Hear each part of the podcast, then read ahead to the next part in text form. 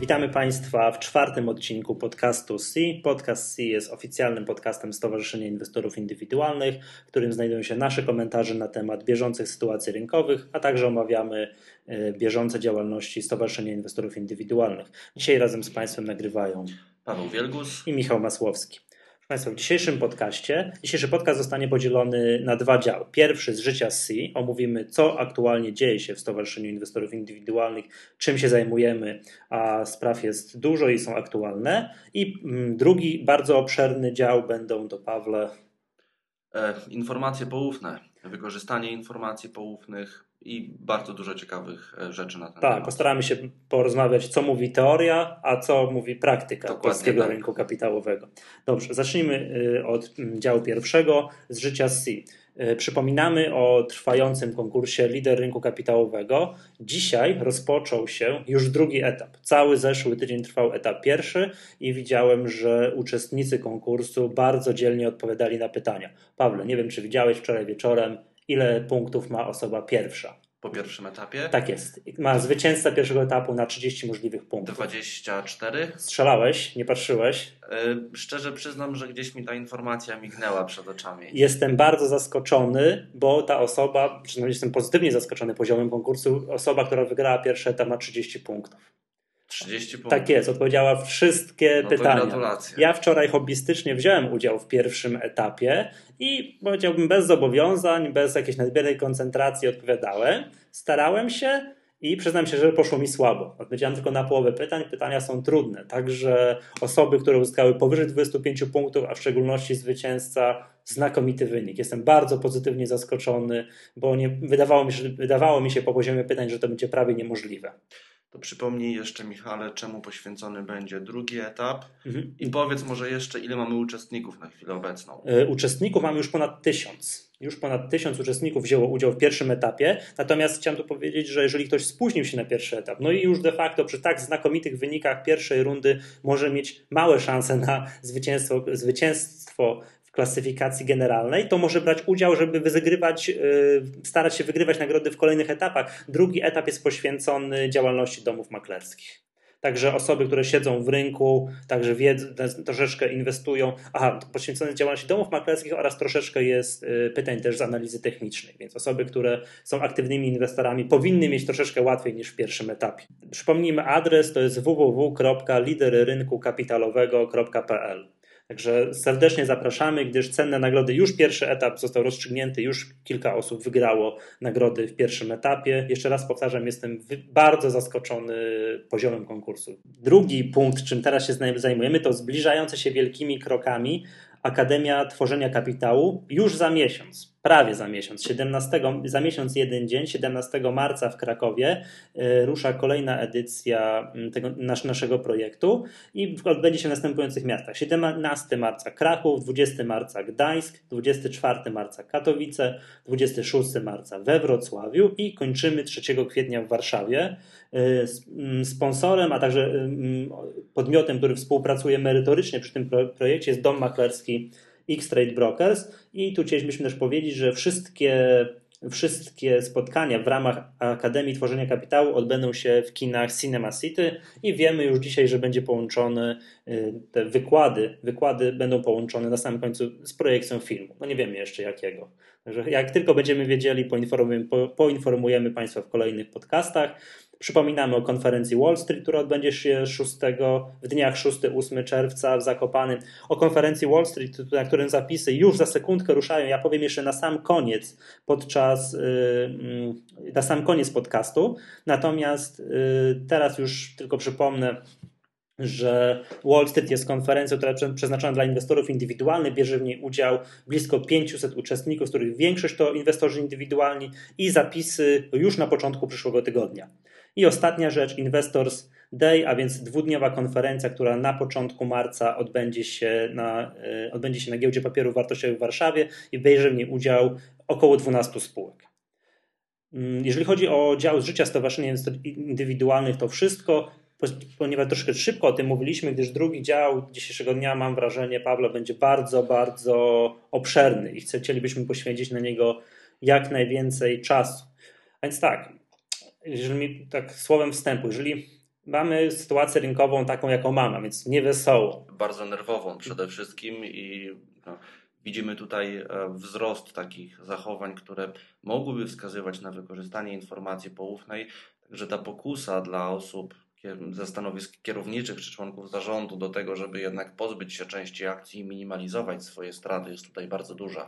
Tak, bo to też powiedzmy sobie szczerze, obserwujemy coś takiego, że jeżeli na rynku jest hossa, wszystko jest dobrze i te indeksy systematycznie rosną, to takich tego typu zachowań, prób wykorzystania informacji poufnych jest bardzo niedużo. Kiedy w spółkach jest dobrze, jest dobra koniunktura, to albo się tego nie obserwuje, albo te, te zachowania są no, dosłownie marginalne. Natomiast w sytuacji ja takiej, powiem... w sytuacji takiej, kiedy jest źle, kiedy spółka jest no, może być bardzo niedobrze, teraz takie sytuacje są tak widoczne, bardzo widoczne, one wręcz Dokładnie na świecie tak, świecą. Wręcz. Poza tym zwróciłeś uwagę na ciekawą rzecz. W czasie, kiedy mamy galopującą hossę na rynku, to nawet jeśli ktoś wykorzysta informację poufną, to wielu inwestorów nie ma o to pretensji. Tak, bo oni, w międzyczasie, bo oni w międzyczasie zarobili swoje Ponieważ 10%. na naszym rynku praktycznie nie, nie istnieje krótka sprzedaż, no, w związku z tym przy spadkach jednak inwestorzy tracą, nie ma mhm. tutaj mowy o zyskach i rzeczywiście te sytuacje, te zjawiska są bardzo rażące. Tak, zanim przejdziemy może do omawiania konkretnych przypadków, takich najbardziej spektakularnych, porozmawiamy dosłownie chwilę o teorii. Tak byśmy mieli w tak sposób literalny, prawniczy powiedzieć, co to jest informacja poufna.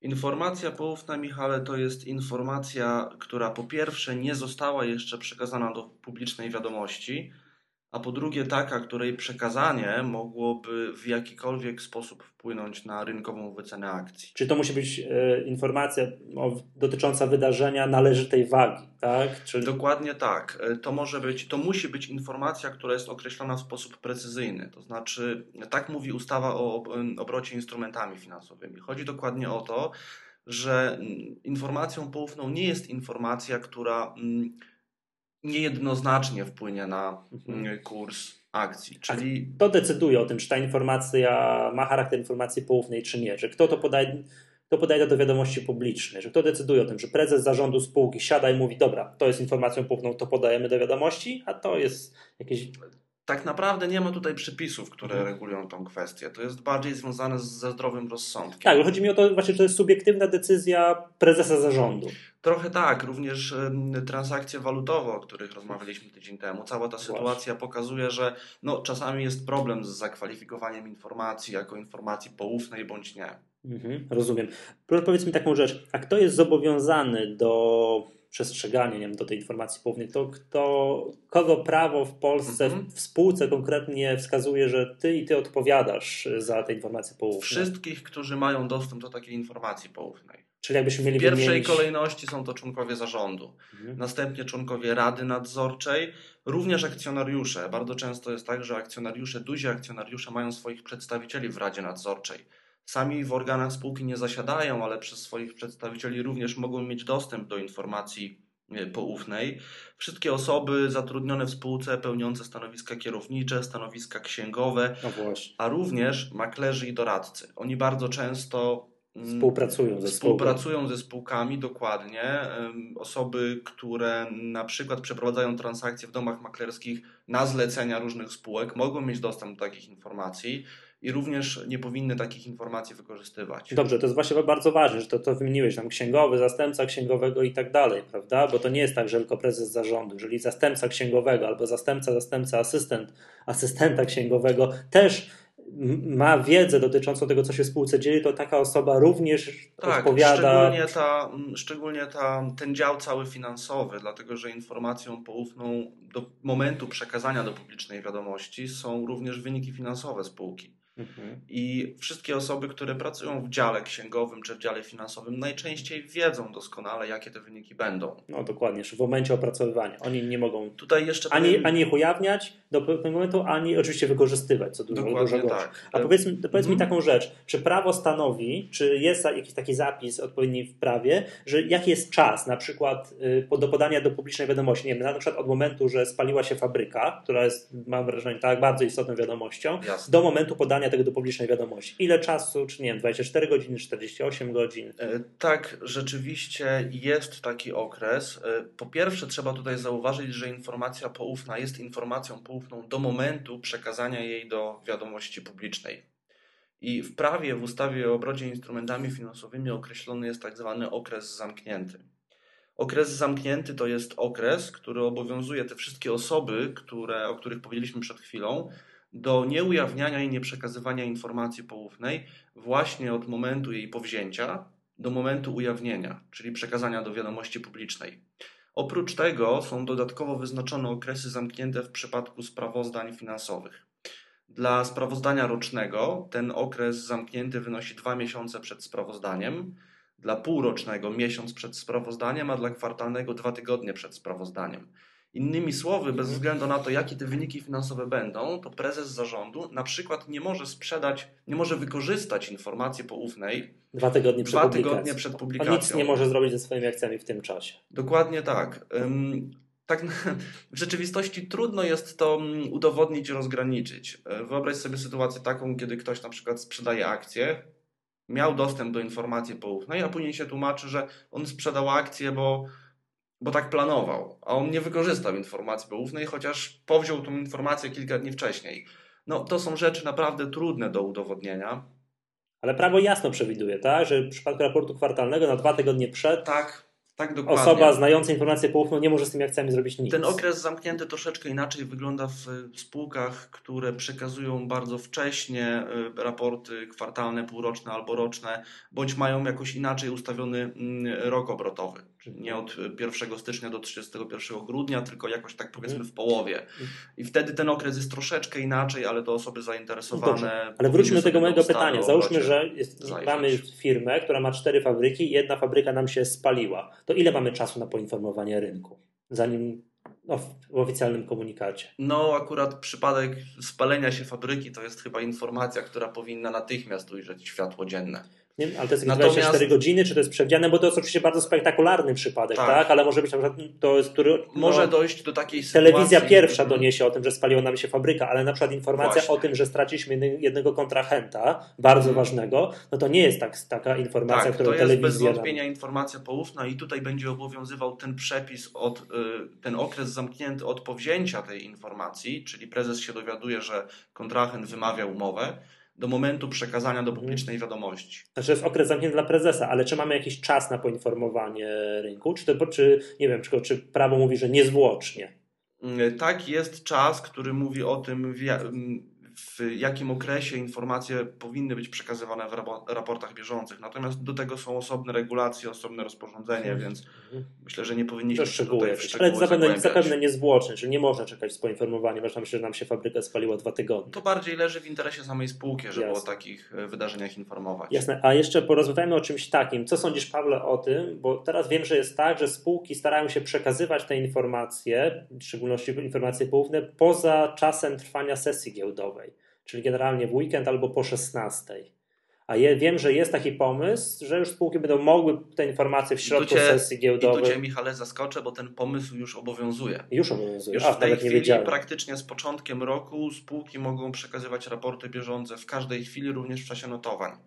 I A czy uważasz, że to dobrze jest? Dobrze dla osób, które y, siedzą, siedzą przed, przed komputerem. Właśnie. Ja, ponieważ no, pracuję w biurze, to bardzo często mm, odświeżając sobie stronę na przykład tak, emitenta, wychwycę tam jakiś, jakąś informację, że na przykład o 12 pojawiła się informacja o znacznej umowie i rzeczywiście o 12.05 kurs momentalnie zwyżkuje o kilkanaście procent. Natomiast tutaj w zdecydowanie gorszej sytuacji są osoby, które no, nie mają pracy biurowej bądź w pracy nie mają czasu, żeby sobie zajrzeć, tak, zajmują się innymi rzeczami, zajmują się pracą, Dokładnie. a nie inwestowaniem i no, im jest tutaj zdecydowanie trudniej. Właśnie, bo ja troszkę stoję, nie ukrywam, stoję na, w obronie takich osób. Mi się nie podoba ten pomysł publikowania informacji w trakcie sesji giełdowej. Oczywiście, wracając do tego mojego przykładu, że spaliła nam się fabryka, że ona właśnie spaliła się o 12 w południe, no ciężko zwlekać z taką informacją, prawda, do 16, a przez 4 godziny udajemy, że nic nie ma. Natomiast z punktu widzenia takich osób, które, no tak jak mówisz, tak, nie mogą śledzić tych notowań, no cały czas podczas notowań ciągłych, tylko zajmują się tym no, wieczorami, po pracy, mają wtedy spokojnie czas na analizę, to takie osoby są troszkę poszkodowane w stosunku do takich superaktywnych inwestorów, którzy śledzą na bieżąco. Dokładnie tak, nie będą miały czasu, żeby zareagować. Natomiast mhm. dostosowaliśmy się tutaj do pewnych światowych standardów. Mhm. chyba trzeba się z tym pogodzić. No tak jest jakbyśmy, świecie, jakbyśmy tego nie oceniali. Rozumiem.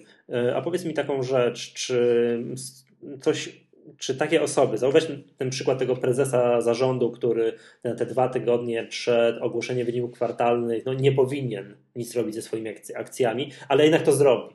Wykorzysta taką informację poufną, sprzeda akcje, wiedząc, że na przykład te wyniki kwartalne będą złe. Mm, jakie są przewidziane prawem kary dla takich osób? Tutaj prawo rozdziela ujawnienie informacji poufnej, wykorzystanie informacji poufnej oraz nabycie bądź rekomendacje, udzielanie rekomendacji na podstawie informacji poufnej. Jeśli chodzi o samo ujawnienie informacji poufnej, to grozi tutaj kara pozbawienia wolności do lat 3 lub grzywna do 2 milionów złotych albo obie te kary łącznie. Natomiast jeśli chodzi o wykorzystanie informacji poufnej, no to tutaj ta kara finansowa jest e, wyższa, nawet do 5 milionów złotych i pozbawienie wolności od 3 miesięcy do A, 5 czyli, lat. Czyli to generalnie są łącznie. bardzo wysokie te kary. To są bardzo wysokie kary. Praktyka rynkowa, również orzeczenia sądowe no, pokazują, że te wysokie kary finansowe są jednak zarezerwowane dla instytucji. Jeśli chodzi o takiego klienta indywidualnego, można się narazić no, praktycznie na karę powiedzmy do kilkudziesięciu, kilkuset tysięcy złotych, co również może zależy być jeszcze podejrzewam odwagi, odwagi. Zależy od wagi problemu, y, natomiast życie i doświadczenie pokazuje, że wyroki no, są z reguły dostosowane do skali problemu, natomiast porównywalne bądź wręcz wyższe od samych transakcji. Czyli jak ktoś na przykład wykorzystał informację poufną, żeby zarobić 10 tysięcy złotych i mu się to udało, to jeśli zostanie przyłapany i zapadnie niekorzystny wyrok, czy korzystny z punktu widzenia prawa i rynku, a niekorzystny dla takiego no, dla takiej osoby, która tą informację wykorzystała, można się liczyć z tym, że ten wyrok jednak przekroczy te potencjalne zyski. No tak, ale też ciężko wymagać y, wtedy kary, która będzie wynosiła na przykład 2 miliony, nie, ile? 5 milionów złotych, tak? No, wtedy, kiedy tak, on zarobił 10 tysięcy. Tak, dokładnie. dokładnie Albo zamykać go na 3 tak. lata do więzienia, natomiast kara powinna być nieuchronna, no bo to jednak jest wtedy nierówność informacji, nierówność informacji na, na rynku. Jasne, rozumiem. A jeszcze porozmawiajmy mm, o tym mechanizmie, jak to wyłapywać, bo to jest dosyć istotna sprawa, bo taki mechanizm najprostszy kojarzy mi się tak. Mamy spółkę, na której nic się nie dzieje, nagle widzimy wyskok kursu, na przykład plus kilkanaście procent, a dwa dni potem ogłoszenie wyników kwartalnych, które są dobre. Tak, mm -hmm. tak to się generalnie odbywa, tak Dokładnie to się dzieje na tak. rynku. W jaki sposób, nie wiem, można próbować to jakoś, nie wiem, zautomatyzować, bo tych spółek jest już kilkaset i przyznam się szczerze, codziennie śledzenie tak, wyników spółek, które nam najbardziej, bądź najwięcej, bądź naj, yy, wzrosły, bądź spadły, przyznam mm, się szczerze, jest nieco uciążliwe. No powiem Ci Michale, że sprawa jest naprawdę trudna. Tutaj chyba za, powinniśmy zaapelować do, do inwestorów i do akcjonariuszy, e, dlatego że to przede wszystkim oni powinni interesować się komunikatami i raportami bieżącymi ze swoich spółek. Powinni wyłapywać te wszystkie informacje, kiedy akcjonariusze, duzi akcjonariusze zmniejszają bądź zwiększają zaangażowanie, e, bądź też kiedy akcje nabywają lub zbywają osoby e, powiązane członkowie zarządu, rady nadzorczej i tak dalej. Tak, I oni mają ustawowy obowiązek, obowiązek informowania. Tak, tak. To, jest bardzo zabawne, bo widzieliśmy w komunikatach spółki Orlen, że jeden z członków zarządu nabył jedną akcję. Tak, tak bardzo nam się, musiał, bardzo musiał nam się podobało. Tak, to, to jest jakby jeden sposób. Y, on pozwala na wyłapanie w momencie y, tych, tych, tych, tych sytuacji, tych momentów, kiedy właśnie tak jak mówisz, tak? Członek zarządu sprzedaje jedną akcję, bądź te pakiety są bardzo niewielkie. Jest też inny sposób. Można przyglądać się y, nagłym skokom wolumenów przy mhm. jednoczesnych dużych wahnięciach kursu. Tak? Powiedzmy, że mamy spółkę, dla której średnia notowań, średnia wolumenu z ostatniego roku to jest 100 akcji nagle się pokazuje sesja, na której obrócono 10 tysięcy akcji przy na przykład wzroście plus 30. Tak, a stanowi na przykład 5% kapitału. To ewidentnie świadczy o tym, że no przez kilka następnych dni trzeba się interesować tą spółką i patrzeć, czy czasami nie została przekazana jakaś ciekawa informacja, a na przykład... która wcześniej była informacją poufną. Jednocześnie kontrolować, jak wygląda zmiana akcjonariatu. No przynajmniej tutaj wtrącę, to może będzie niezwiązane z tematem, ale może kiedyś jeszcze poświęcimy cały podcast na manipulację. czasami w spokojniejszych czasach, e, w spokojniejszych czasach takie rzeczy obserwujesz na kontraktach terminowych, kiedy to podczas bardzo sennej sesji nagle kontrakty zaczynają bardzo gwałtownie iść do góry, a trzy minuty później jest duży atak na spółkę z WIG-20. Takie to mi przypomina troszkę te, dokładnie, te, te sytuacje. Tak. Dobrze, ale wróćmy ja tutaj, powiem, wróćmy tutaj ten, do... Tak, o ten mechanizm, hmm. to co powiedziałem o wysokich wolumenach, to jest technicznie łatw, łatwiejsze do wyłapania, bo no, myśmy z racji właśnie tej nerwowości na rynku i tych informacji, które ostatnio dochodziły do nas odnośnie kilku spółek, o których zaraz powiemy, postanowiliśmy ten cały proces zautomatyzować. Także my tutaj w towarzyszeniu praktycznie po każdej sesji z automatu wyłapujemy wszystkie spółki, E, które mają taki podejrzany wzrost wolumenu, wpisujemy je na czarną listę. Znaczy powiedzmy wprost, przez... będziemy mieli program komputerowy. Mamy bo nikt, program. Tak, mamy, bo nikt ręcznie nie będzie przeglądał kilkuset spółek, tylko będziemy Dokładnie. starali programem komputerowym podglądać powiedzmy to pięć największych, są... kilka największych zmian tak. jednoczesnego wolumenu i jednoczesnego zmiany procentowej. Nawet nie nazwałbym tego programem komputerowym, to jest po prostu no, z, program, z, mały program. z informatycznego punktu widzenia to jest e, kwestia technicznie bardzo prosta, natomiast ułatwia życie. Dobrze, Paweł, ja wiem, coś informatykiem i nazwanie takiego programem komputerowym urąga programom komputerowym, ale dobrze, generalnie tak chcielibyśmy zasygnalizować, że my tutaj jako stowarzyszenie będziemy przyglądali się na bieżąco wszystkim takim przypadkom, których na spółkach, gdzie tak jak mówisz, jest yy, powiedziałbym niewielki obrót, nagle podczas pewnej sesji ten zarówno obrót, jak i zmiana procentowa będzie znacznie odbiegać od średniej. no, ostatnich kilku miesięcy. Mamy już nawet pierwszych kandydatów. Mamy, tak, ale to nie mówmy o tym zanim. Ja myślę, że jedna ze spółek, która została kandydatem, zostanie również bohaterem e, któregoś z podcastów, ale to no, na przyszłość. Rozumiem. Będziemy, przyglądamy się. Także tu wszyscy ostrzeżenie dla wszystkich zarządzających, miejcie się na baczności wielki brat czuwa. Dobrze, porozmawiajmy może o konkretnych przypadkach, które na, na, ostatnio na rynku zaobserwowaliśmy, które są no, też bohaterami prasy, prawda? Także to nie, nie, nie odkryjemy tutaj żadnej nowej spółki. Paweł, jakie to będą spółki? E, po pierwsze, myślę, że powinniśmy porozmawiać o zakładach produkcji urządzeń elektrycznych. Mhm. Tutaj napisaliśmy e, pismo, e, wniosek do Komisji Nadzoru Finansowego, żeby się tą sprawą zajęła. Komisja Nadzoru Finansowego od dłuższego czasu okazuje się przygląda się tej sprawie, natomiast do chwili obecnej nie została ona wyjaśniona. Chcieliśmy, żeby Urząd Komisji wiedział, że, że tak, generalnie rynek wie, że coś tam się Ale w tej powiedzmy ciekawego stało. słuchaczom, co się stało, bo może nie wszyscy wiedzą. No, no my z, z spółką spółę, tak dziwnie brzmi, ale może będę no, używał takiego. to jest tam, gdzie tak, jest ten słynny tak, peron, tak? To jest... Dokładnie tak. I również zakłady mleczarskie. Tak. No ale nieważne. Mhm. Tu są jakby dwie kwestie. Pierwsza dotycząca transakcji pakietowej i tutaj może pozostawimy tą część na podcast odnośnie samych manipulacji. Jeśli chodzi o wykorzystanie informacji poufnej, z kolei mieliśmy taką sytuację, że 9 lutego o godzinie 16.09, to podkreślam, czyli mhm. jeszcze w czasie trwania sesji, tak, kiedy jeszcze można było składać zlecenia, pojawiła się informacja w raporcie bieżącym, że dane, że raport finansowy za czwarty kwartał w 2008 roku został przesunięty. Jego publikacja z 13 na 12. Mhm. Wszystko fajnie, tak? Do tego momentu nic się zupełnie nie dzieje. Problem polega tylko na tym, że tego samego dnia, 9 lutego o godzinie 16.43, a więc już po notowaniach, pojawiła się informacja, również w raporcie bieżącym, o wstępnych wynikach finansowych. Okazało się, że te wyniki są bardzo dobre. No, na pewno lepsze niż spodziewał się tego rynek, co pokazuje sesja w dniu następnym, czyli 10 lutego, kiedy ten kurs zwyżkował o blisko 20%. Problem polega tylko na tym, że tego samego dnia, kiedy raport bieżący został przekazany, y, kurs już zwyżkował o 18%. No, jest przed to, publikacją. Przed publikacją. Jest to no, bardzo podejrzany. wolumen, nie w białych rękawiczkach. Wolumen obrotu był tutaj może nie rekordowy, natomiast zdecydowanie wyższy od średniej za na przykład trzy ostatnie miesiące. No, Wskazuje to, że właśnie, ta informacja to jest taka sytuacja, pozytywnych aż... wynikach mogła być wykorzystana przez kogoś. Ktoś mógł o tym wiedzieć tak, i zaczął tę akcję tak. już kupować.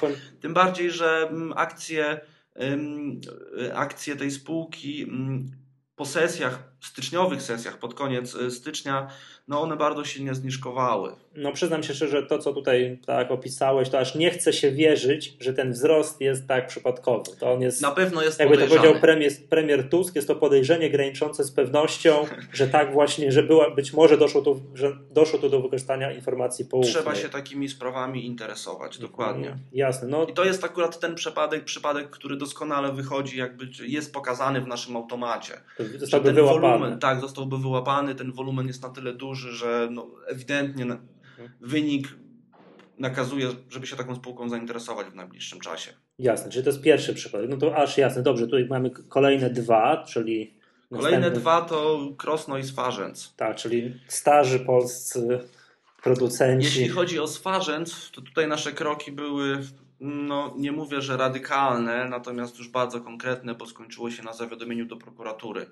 Podejrzane są Mhm. tutaj cztery osoby, dwóch członków Rady Nadzorczej, prokurent i osoba zajmująca stanowisko kierownicze, której nie udało się ustalić, ale być może, że po dzisiejszych doniesieniach prasowych Tak, ale powiedzmy jeszcze zaplecze tej sprawy, bo Swarzędz generalnie nie poradził sobie, trzeba być wprost, nie poradził sobie z bieżącą sytuacją rynkową. No, nie poradził jak nie poradził, to też trudno powiedzieć. Wystosowaliśmy listę pytań do zarządu Swarzędza przed walnym.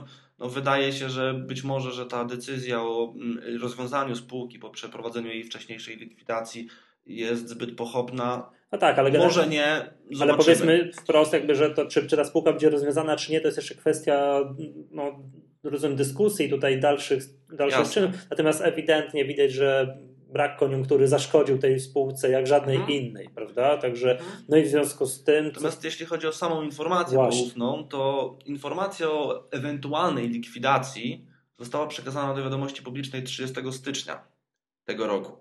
Natomiast na sesjach 5 stycznia, 6 stycznia, 7 stycznia członkowie Rady Nadzorczej sprzedawali 300 tysięcy akcji, milion akcji, więc to są dość a znaczne informowali o pakiety. tym w komunikatach.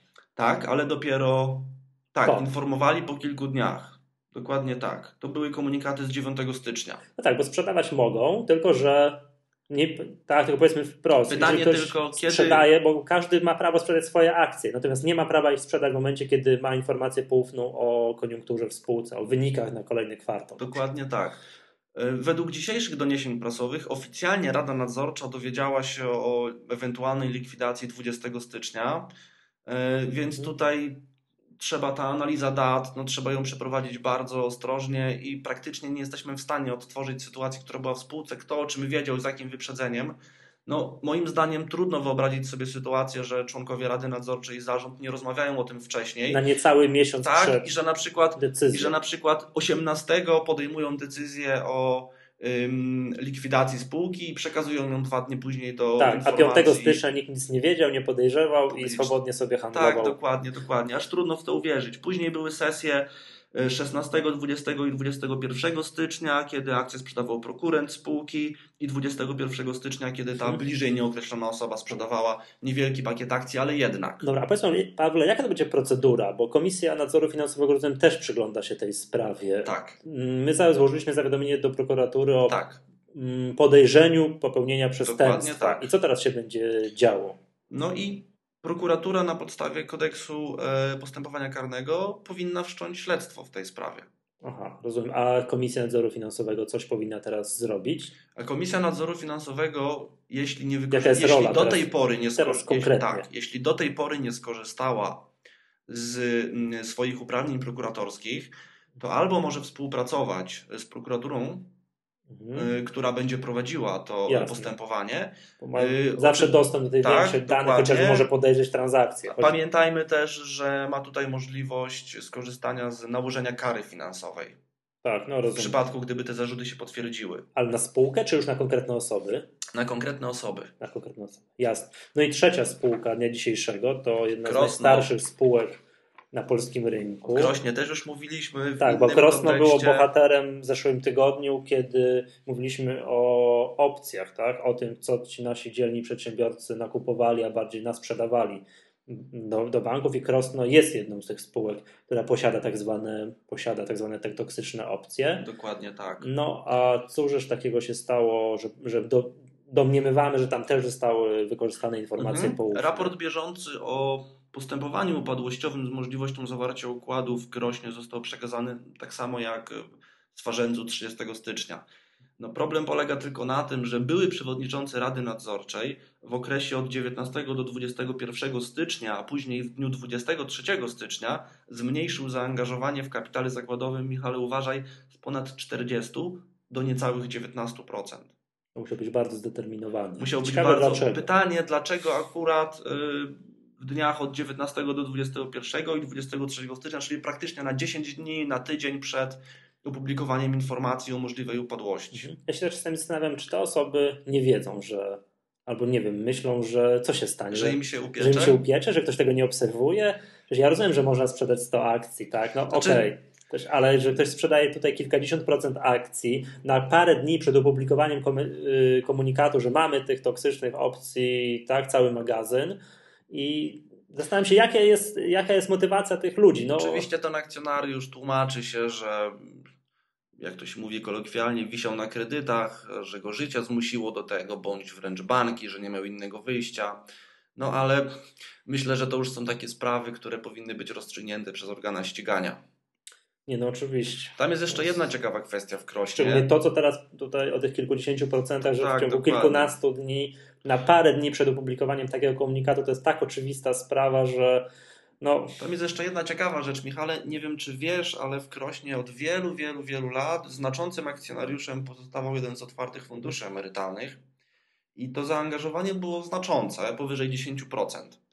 Wyobraź sobie, że to mm, zaangażowanie z ponad 10% do lekko powyżej 3% spadło na przestrzeni Niezgadne, w pierwszych dwóch, dniach trzech tygodni. Pierwszych dniach blisko. Pierwsze transakcje były z końcem grudnia 2008 roku, a ostatnie transakcje 16 stycznia tego roku. No wiadomo jak inwestują otwarte fundusze emerytalne, tak? Są to inwestycje długoterminowe.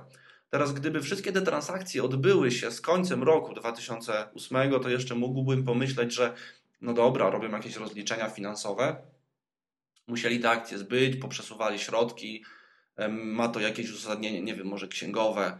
Natomiast to, że już ten ostatni pakiet akcji poszedł na rynek 16 stycznia, no trzeba się tutaj zastanowić, dlaczego OFE, które przez wiele, wiele lat jest mm, akcjonariuszem. Ale stabilnym, takim nieruchomym. Tak, stabilnym, nieruchomym, po prostu są, nie zmieniają swojego zaangażowania w akcje. Nagle 14 dni przed ogłoszeniem upadłości praktycznie sprzedają większość Mhm. swoich akcji. W tej chwili nie wiemy, oni zeszli już poniżej 5%, nie mhm. będą dalej informować o tym, co sprzedali. Być może się okaże, że w tej chwili już w ogóle nie są akcjonariuszem. Moim zdaniem to też jest sprawa, którą powinniśmy zainteresować organa ścigania i dalej rozważamy. No to jest sprawa jakby z tego samego gatunku. Tak, dokładnie, szereg, tak, tak, dokładnie tak. Jasne, rozumiem. Dobrze, e, powtórzmy jeszcze może jeszcze raz, bo o, o to, to, co mówiliśmy na początku, że o ile w czasach prosperity inwestorzy może mniej patrzą na, mniej patrzą na te, jak są prowadzone relacje inwestorskie w spółkach giełdowych, tak w czasach kryzysu te nienaganne relacje inwestorskie są w cenie jak nigdy. Spółka powinna być w takich sytuacjach, to powiedziałem, świętsza od papieża, gdyż inwestowanie na takim rynku, gdzie co chwilę która spółka wyciąga albo toksyczne opcje, albo przedstawiciele własnych spółek sprzedają akcje, no na takim rynku bardzo ciężko się inwestuje. Znaczy nie da się inwestować. Zaufanie do rynku jest no, bardzo, bardzo niskie w, takiej, w, takiej sytuacji. Mm, Pawle, jeszcze mi tak przypomniała się jeszcze jedna rzecz, może dołożymy jeszcze trzeci dział. Mhm. Czy mógłbyś omówić, ponieważ mamy prawie że tradycję, że w każdym odcinku coś mówimy o fonie, co teraz się dzieje w fonie i co takiego ciekawego na antenie telewizji TVN CNBC powiedzieli przedstawiciele fonu? E, wiceprzewodniczący Rady Nadzorczej e, FONA no, ma wciąż uwagi e, odnośnie naszych działań związanych z fonem. Twierdzi, że nasze, mm, nasz pozew o uchylenie uchwał jest zagraniem czysto PR-owym. Zostałem wręcz. Jesteś obłudny. Tak, tak? jestem. Trzykrotnie zostało to powtórzone. Jestem obłudny z imienia nazwiska, jestem obłudny i dodatkowo zarzucono mi, że próbuję zrobić karierę na fonie. Rozumiem. A jaka była odpowiedź tego przedstawiciela fonu na pytanie o tą nieudaną emisję akcji? No powiedział, że sam stracił i praktycznie Aha. znowu nie usłyszeliśmy żadnych szczegółów. No ja bym chciał tutaj powiedzieć to już tak konkretnie w tym momencie zwracam się do szanownych słuchaczy, że jednak Stowarzyszenie Inwestorów Indywidualnych jest taką instytucją, która absolutnie nie potrzebuje rozgłosu i w tym sensie, że nie musimy go budować dodatkowo na podstawie jakichś nieprawdziwych zarzutów. Nie musimy tutaj nikomu robić czarnego PR-u. My po prostu. Żeby zaistnieć no, w telewizji. Dokładnie tak. tak my po prostu działamy zgodnie ze swoim statutem, stoimy na straży tych regulacji. Mhm. Absolutnie nie będziemy tutaj przejmowali się takimi uwagami. Jasne. Ja tak nieprzypadkowo zagadnąłem o ten fon, ponieważ tutaj będziemy powoli kończyli, a na sam koniec chcę poruszyć sprawę konkursu na nazwę podcastu. Już mówię, dlaczego Pawle tutaj tak nie, nie wtajemniczyłem Cię wcześniej, a jest bardzo, bardzo Ale ciekawa. Tak, już podejrzewam, do czego jest, jest, jest, bardzo ciekawa sprawa. Otóż jeden y, ze słuchaczy zaproponował taką nazwę, ponieważ my mówimy o tym fonie co prawie co podcast, foniatra albo słuchowisko doktora foniatry. Przeczytam może, że foniatra jest to dział nauk medycznych w ramach otolaryngologii, nauka o wydawaniu dźwięków do środowiska przez człowieka, tak zwanej fonacji, zaburzeniach i leczeniu. To nie I... powinno być foniatria? Foniatria, tak, przepraszam, mhm. foniatria. Tak jest, oczywiście. I tutaj uzasadnienie pana Jacka jest następujące. Moim zdaniem opis pasuje doskonale do tego, czym C zajmuje się na co dzień, to znaczy zbieraniem i przetwarzaniem informacji wypływających ze spółek do rynków, w nawiasie środowiska, oraz pomoc inwestorom, ich ochronę i edukację, w nawiasie zaburzenia i leczenie, czyli de facto zmniejszeniem asymetrii informacji na rynku, w nawiasie prawidłowa komunikacja. Hmm. A do tego mamy jeszcze aspekt fona, więc ja uważam, tak. Michale, że pomysł jest po prostu fantastyczny. Tak, pomysł jest świetny, no, ponieważ y, ciężko mi sobie wyobrazić, że przez najbliższe kilka lat będziemy mówili ciągle o więc może, no, może, może niekoniecznie nazwiemy tak podcast, natomiast pomysł jest na tyle świetny, że tutaj dla pana Jacka, tutaj autorem tego pomysłu jest pan Jacek Draus. Jest, y, przewidzieliśmy nagrody, jest to 10% y, rabatu na opłatę na konferencję Wall Street. Oczywiście, że pan Jacek się wybiera. Bardzo prosimy o maila do nas tutaj na adres podcast.si.org.pl, tak żebyśmy mieli ze sobą kontakt. A, a propos jeszcze fona, ostatnią rzecz powiem, mamy minutkę? Mamy. No to ostatnią rzecz powiem, że FON jako spółka została akcjonariuszem izolacji Jarocin a ponieważ y, z biegiem czasu odnoszę wrażenie, będziemy ciężar tego zainteresowania przerzucać z fona właśnie na izolację jarocin, to jednak ten fon będzie się w naszych rozmowach przywijał jeszcze przez, mhm. podejrzewam, długie tygodnie.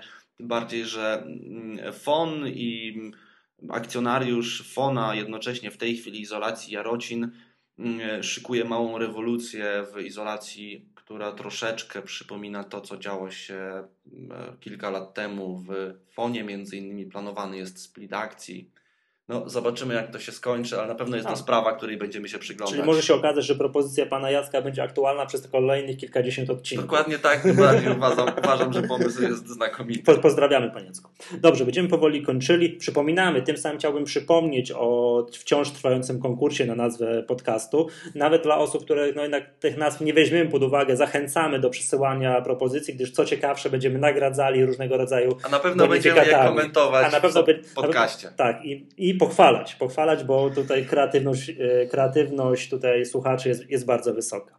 Będziemy powoli kończyli. Przypominamy, słuchali Państwo podcastu C, oficjalnego podcastu Stowarzyszenia. Każdy kolejne odcinki można ściągnąć w postaci pliku MP3 z naszej strony, bądź też subskrybować przez e, iTunes. Widzimy się, za, słyszymy się za tydzień. Na dzisiaj nagrywali z Państwem Paweł Wielgus i Michał Masłowski.